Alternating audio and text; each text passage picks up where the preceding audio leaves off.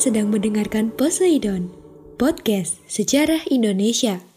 Ngomongin masa lalu dengan gaya masa kini.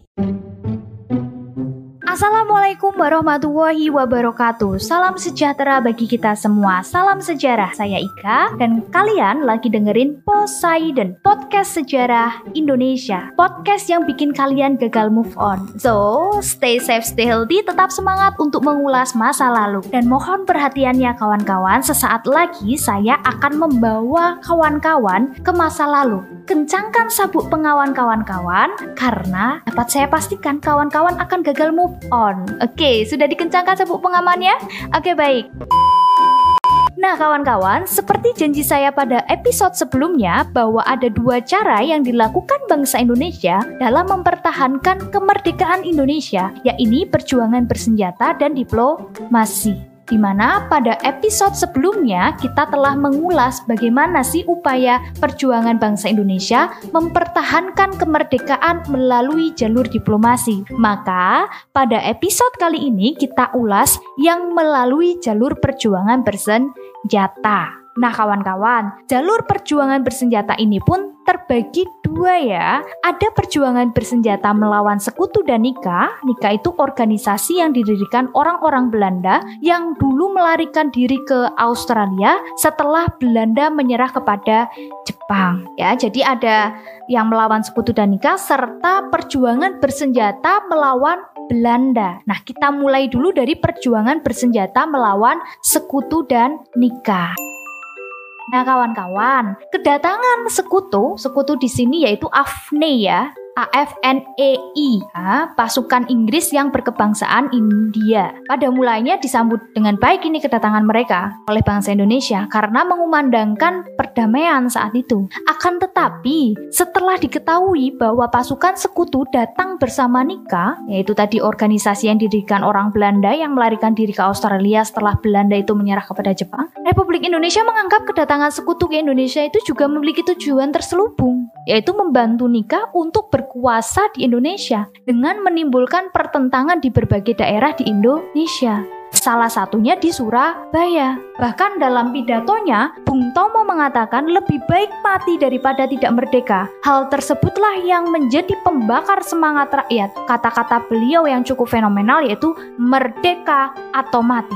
Nah kawan-kawan, pertempuran di Surabaya ini dipicu ketika 30 November 1945 terjadi pertempuran di Jembatan Merah antaranya para pemuda Indonesia dengan pasukan sekutu yang mengakibatkan Malabi terbunuh. Nah, Terbunuhnya Malabi ini menyebabkan Jenderal Christison, yaitu Panglima Afne yang memperingatkan kepada rakyat Surabaya agar mereka ini menyerah. Apabila tidak menyerah, mereka akan dihancur leburkan. Rakyat Surabaya tidak mengindahkan ancaman itu, sehingga pada 9 November 1945, Meijen Manshock ini sebagai pengganti Malabi mengeluarkan ultimatum kepada rakyat Surabaya, yang isinya yaitu yang pertama, kematian Malabi dianggap tanggung jawab rakyat Surabaya. Kemudian yang kedua, menginstruksikan agar semua pimpinan Indonesia menyerah tanpa syarat. Dan yang terakhir, bagi para pemuda Indonesia yang bersenjata diharuskan menyerahkan senjatanya. Ultimatum ini disertai ancaman akan menggumpur Surabaya dari darat, laut, dan udara. Apabila rakyat Surabaya tidak menjalankan instruksi tersebut sampai batas waktu yang ditentukan yaitu jam 6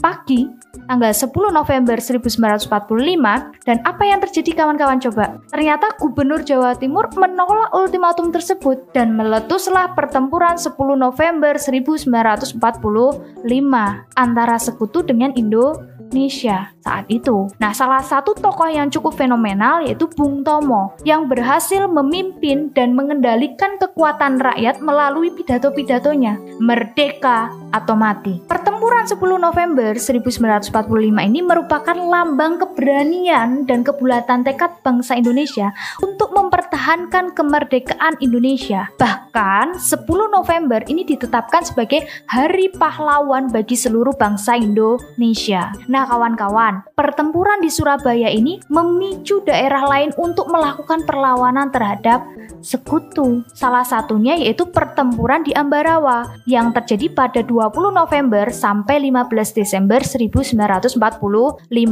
Antaranya TKR, Tentara Keamanan Rakyat melawan Sekutu. Hal ini dilatar belakangi adanya insiden bersenjata yang timbul di Magelang. Kemudian meluas menjadi pertempuran ketika Sekutu dan Nika ini membebaskan secara sepihak interniran Belanda yang ada di Magelang dan Ambarawa. Sementara itu, secara diam-diam, pasukan Sekutu ini meninggalkan Magelang kemudian mundur ke kota Ambarawa serta mencoba menduduki dua desa di sekitar Ambarawa hingga terjadilah pertempuran. Nah, dalam pertempuran guna membebaskan dua desa tersebut, Letnan Kolonel Istiman ini gugur dalam pertempuran pada 26 November 1945. Nah, bahkan kalau kita ke Ambarawa, di Palagan Ambarawa ini ada museumnya namanya Museum Kolonel Istiman untuk menghormati beliau. Nah, gugurnya Kolonel Istiman inilah membuat Kolonel Sudirman ini mengambil alih pasukan dengan apa? Dengan strategi supit urang, yaitu mengepung dua desa yang diduduki sekutu.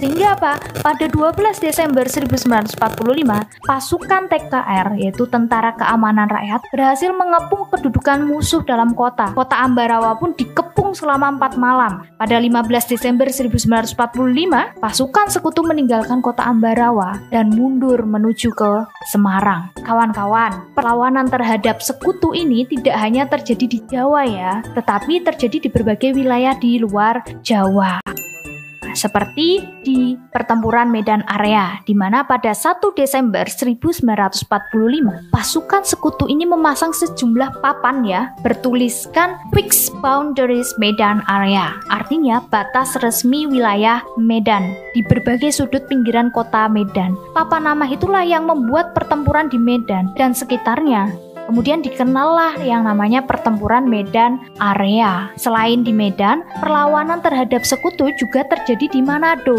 yang dikenal dengan peristiwa Merah Putih di mana pada akhir tahun 1945 pasukan sekutu ini menyerahkan Sulawesi Utara kepada pasukan Nika. Mulai saat itu pasukan Nika bertindak sewenang-wenang kepada rakyat Sulawesi Utara. Nah, tindakan Nika tersebut mendapat reaksi keras dari para pemuda Indonesia. Sehingga apa? Pada tanggal 14 Februari 1946, para pemuda ini menyerbu markas Nika yang ada di Teling. Kemudian mereka berhasil membebaskan para pejuang yang ditahan oleh Belanda dan menahan komando Nika beserta pasukannya. Pasukan bahkan pasukan para pejuang ini secara spontan para pejuang ini mengambil bendera Belanda Belanda, yaitu merah putih biru ya, yang berada di pos penjagaan. Kemudian merobek warna birunya, kemudian mengibarkan sebagai bendera merah putih di markas Nika yang berada di Teling. Nah, peristiwa itulah yang kemudian dikenal dengan nama peristiwa merah putih di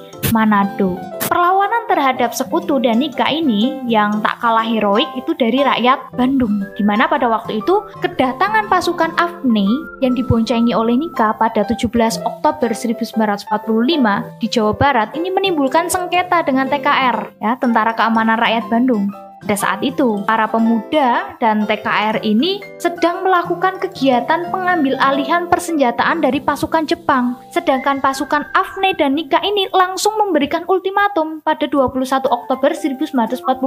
Padahal mereka baru datang tanggal 17 Oktober. 21 udah ngasih ultimatum aja. Nah, agar apa? Agar senjata yang telah dirampas para pemuda dan TKR Bandung ini segera diserahkan kepada mereka, serta meminta kota Bandung bagian utara itu dikosongkan paling lambat 29 Oktober 1940, bahkan pada 23 Maret 1946, tentara sekutu ini mengeluarkan ultimatum untuk kedua kalinya. Agar apa? Agar tentara Republik Indonesia yaitu TRI mengosongkan seluruh kota Bandung, paling lambat itu jam 2 siang ultimatum agar TRI mengosongkan kota Bandung ini justru melahirkan politik bumi hangus. Melalui Kolonel Abdul Haris Nasution selaku Komando Divisi 3, ini memerintahkan penduduk untuk meninggalkan kota Bandung. Bandung sengaja dibakar oleh TRI dan penduduknya dengan maksud agar Afne tidak dapat menggunakan bangunan yang ada. Inggris mulai menyerang, sehingga pertempuran pun terjadi. Nah, sejak saat itu kurang lebih pukul 24.00 WIB atau jam 12 ya, 12 malam, Bandung Selatan ini telah kosong dari penduduk dan TRI. Tapi api masih membumbung membakar kota Bandung. Bandung pun berubah menjadi lautan api. Bahkan peristiwa ini tuh melahirkan lagu ciptaannya Ismail Marzuki. Apa ya? Iya benar, Halo Halo Bandung yang dapat membakar daya juang rakyat Indonesia pada saat itu. Nah kawan-kawan, perjuangan bangsa Indonesia untuk mempertahankan kemerdekaannya ini tidaklah mudah ya. Sehingga perlu kita ingat, kita harus mengisi kemerdekaan Indonesia ini dengan hal-hal yang positif. Dengan apa? Dengan semangat menebar kebermanfaatan bagi sesama. So, tetap stay tune di Poseidon Podcast Sejarah Indonesia. Saya Ika pamit undur diri. Wassalamualaikum warahmatullahi wabarakatuh. Terima kasih.